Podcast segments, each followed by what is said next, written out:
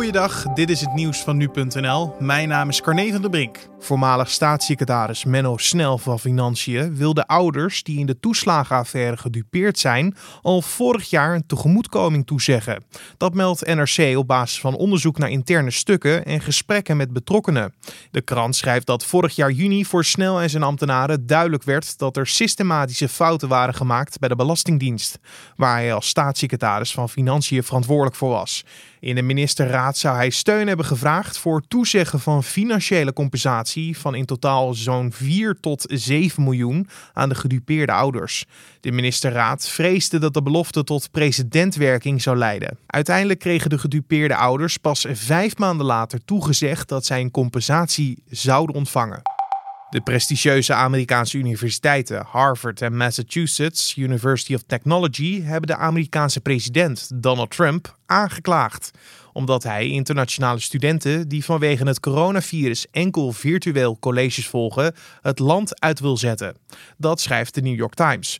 De universiteiten in de Amerikaanse staat Massachusetts noemen de maatregel vreed en roekeloos. De universiteiten huisvesten duizenden internationale studenten die niet bang zouden moeten zijn om uitgezet te worden of om hun gezondheid of veiligheid op het spel te moeten zetten om hun educatie voor te kunnen zetten.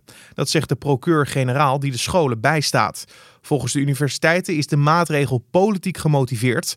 Door te dreigen met uitzetting zou Trump scholen onder druk willen zetten om na de zomer te heropenen.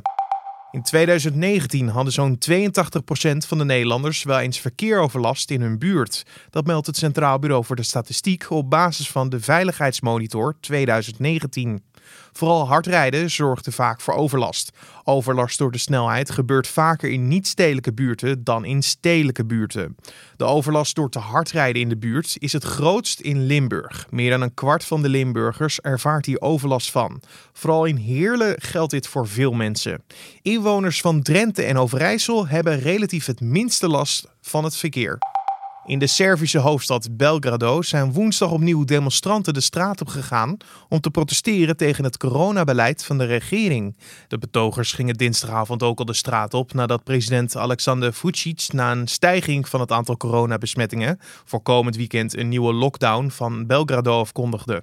Politie en demonstranten vielen elkaar aan bij het parlementsgebouw en de demonstranten gooiden met stenen en fakkels. De politie zette onder meer traangas in. Meerdere mensen, waaronder zeker tien politieagenten, raakten hierbij gewond. Ook in andere delen van Servië kwam het tot confrontaties tussen politie en betogers. En tot zover de nieuwsupdate van nu.nl.